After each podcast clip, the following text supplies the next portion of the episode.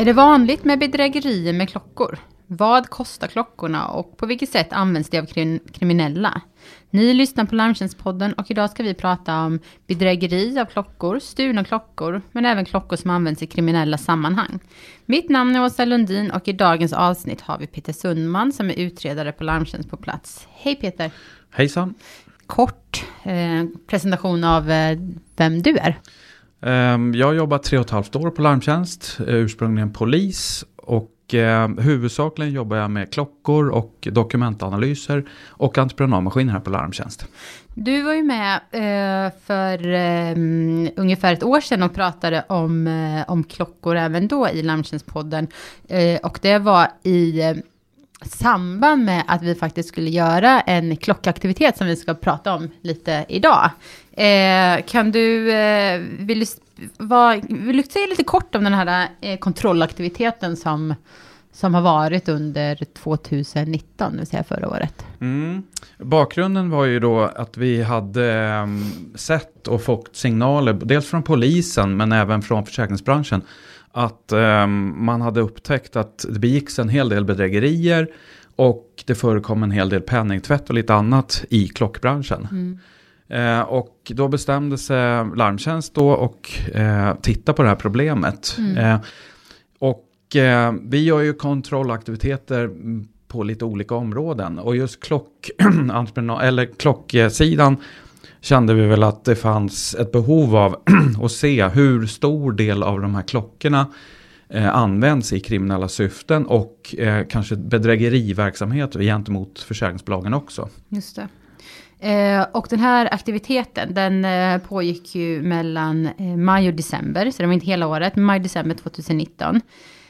Vad är egentligen, vad är det som är det stora problemet, det vill säga klockor, hur, varför är det så lätt att göra om man säger, om man skulle vilja göra bedrägeri med klockor, på vilket sätt kan det vara lätt att göra det? Jag tänker på register mm. och så kring klockor. Ja, det, det, var ju i samband med att vi upptäckte den här problematiken kring klockorna.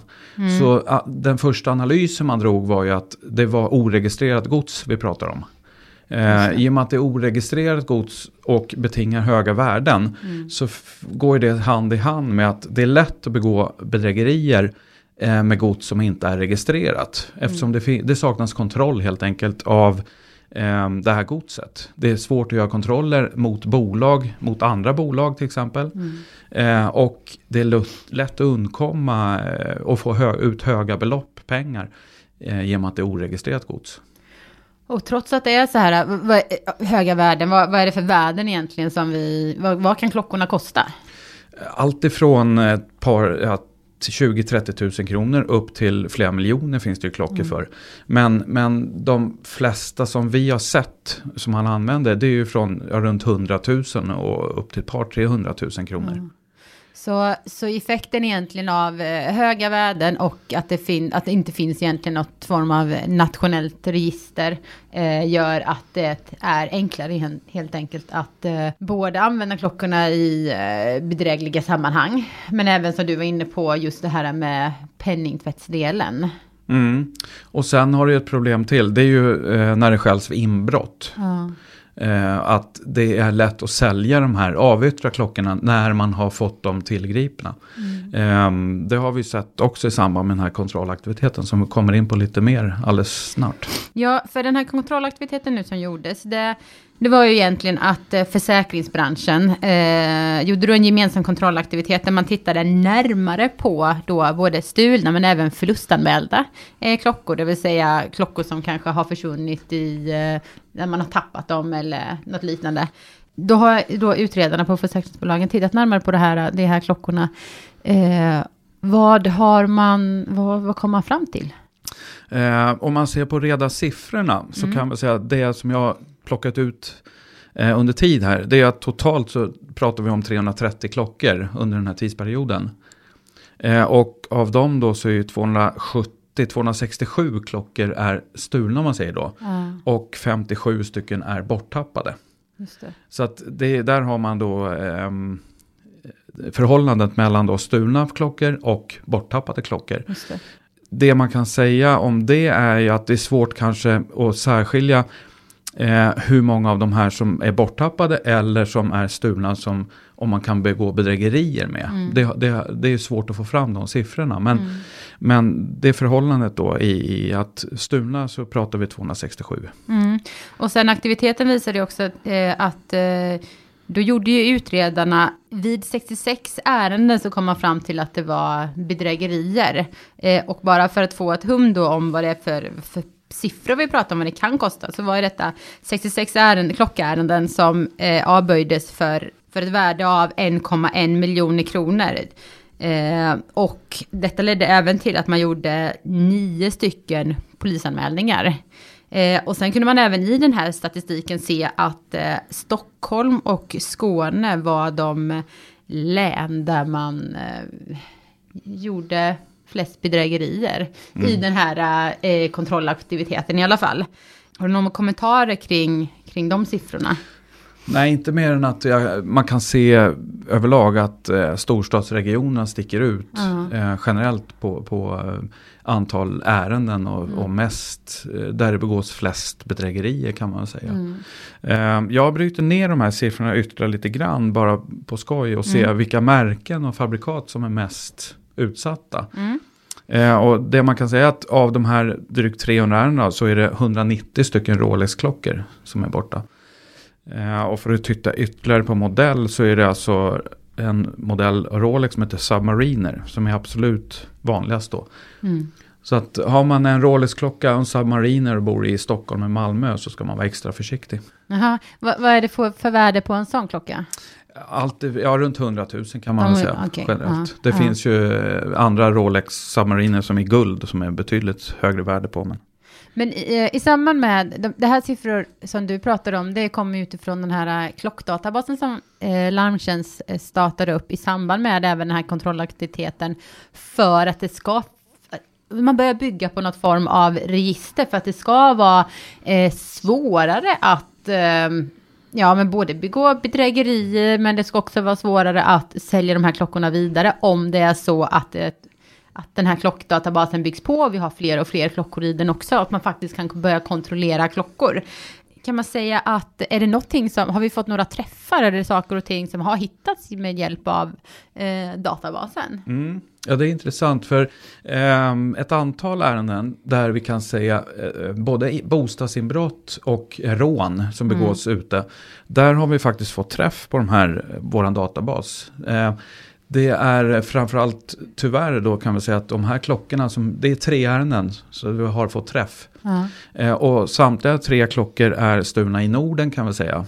I både i Sverige Mm. och i Danmark som också registrerar klockor i vår databas. Mm.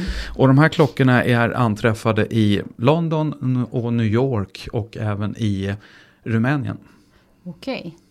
Så, så vid tre ärenden så har man faktiskt kunnat lokalisera de här eh, klockorna med hjälp av eh, Larmtjänsts klockregister. Jajamensan, stämmer. Det är ju fantastiskt. Du nämnde även det här med att kriminella använder dem för att tvätta pengar. Hur, på vilket sätt?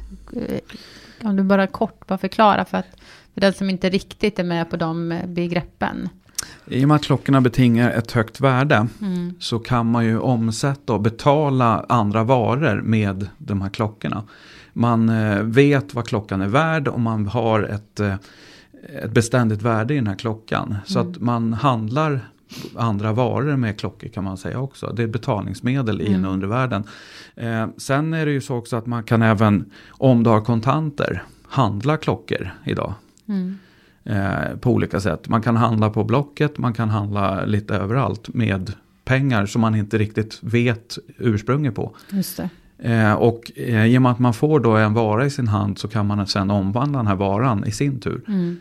Ehm, och då är det svårt att spåra de här pengarna var de kommer ifrån ursprungligen. Men vad skulle man kunna säga egentligen är, om vi tittar på både bedrägerier med klockor men även eh, med penningtvätt och de delarna. Vad är de stora eh, problemområdena när vi kommer till, till klockor och så? Framförallt så är ju det tyvärr då i, återigen att det är oregistrerat gods. Ja. Det, det är där allting fallerar. Att eh, man har inte riktigt koll på alla nummer och eh, det är även försäkringsbranschen har tidigare då haft dålig kontroll på vad är det för saker och gods som man försäkrar in. Mm. Eh, och när det sker en anmälan så har man inte haft kontroll. Eh, de som äger klockorna har inte alltid haft kontroll på vad har min klocka på för siffror. Vad är det för siffror som är viktiga att ha koll på? Ja, Då är det serienumret på klockan framförallt. Som, som är unikt för klockan som man ska ange. Och man ska vara noggrann med att notera det här för sin egen del också. Om Ja. man äger en dyr klocka. Så man har kontroll på. Eh, och man ska se till att få med de siffrorna även på polisanmälningar. Mm. Och även få med siffrorna in till sitt försäkringsbolag när man ska ersätta den här klockan. Mm. Eh, och registrera den i vår databas då över stulna eller borttappade klockor. Jättebra. Eh, när vi senast pratade om klockor så nämnde du också några problemområden för, eh, för både pantbanker och, och urmakare. Mm.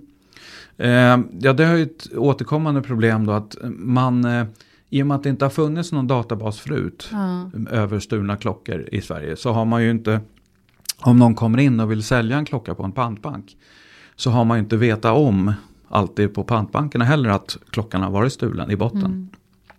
Så förhoppningen är ju nu att pantbanker och annat i framtiden ska kunna slå och titta i vårat öppna databas eh, för att se och slå och se om den här klockan är stulen eller inte. Och då kan vi ju nämna det att den här klockdatabasen den finns eh, publikt på Larmtjänsts hemsida och då är adressen www.larmtjänst.se så att, så att de som lyssnar också kan gå in och titta så att man vet var den finns någonstans. Eh, man skulle kunna säga det helt enkelt att eh, att vid den här kontrollaktiviteten så kunde man ändå se att det var en hel del bedrägerier med, med klockor. Eh, men även att man har fått goda resultat av eh, den här påbörjan av att bygga en klockdatabas. Det vill säga att klockdatabasen var på plats någon gång kring sommaren 2019 och bara på det här, på ett halvår ungefär så kunde man återfinna eh, tre klockor i alla fall eh, av större värde eh, genom klockdatabasen. Eh, så det är ju bara att vi får eh, se till att eh, den här databasen byggs på och fler klockor kommer in, vilket gör också eh, träfflistan kanske ännu högre framöver. Mm. Jo, jag ska säga att det registreras ganska bra med klockor från Mm. försäkringsbolagen. Mm. Det kan säkert bli bättre också och Mm. jag uppmanar alla som blir av med sina klockor att eh, kontakta ditt försäkringsbolag och polisen och göra anmälan. Ja. Så vi får in de här. För att chansen att vi ska få tillbaka klockorna är större självklart om vi får dem registrerade någonstans. Just det. Och du nämnde lite innan att vad ska man tänka på om man har en, eh, en dyrare klocka? Och då, då är det att ha koll på siffrorna, skriva ner ett certifikat, det, att ha koll på de delarna. Mm. Eh, Det är som med bilnycklar. Behandla certifikat och sånt som en värdehandling. Just det. Det, det ökar dels klockans värde i sig. Men sen är det ju bra om du skulle tyvärr då råka ut för en stöld eller Mm. någonting. Att du har faktiskt koll på exakt vilka nummer du har på klockan. Mm. Är det något annat du skulle vilja tillägga när vi pratar om just klockor? Nej, Vi har fått med allt. ja det tycker jag. Vad bra. Eh, ni har hört Larmtjänstpodden som är en podd från Larmtjänst, en branschorganisation för sakförsäkringsbolagen med syfte att bekämpa försäkringsrelaterad brottslighet. Dagens gäst var Peter Sundman och jag heter Åsa Lundin. Dela gärna podden i alla era sociala kanaler så tackar jag för att ni lyssnade och hoppas att vi hörs igen. Tack och hej!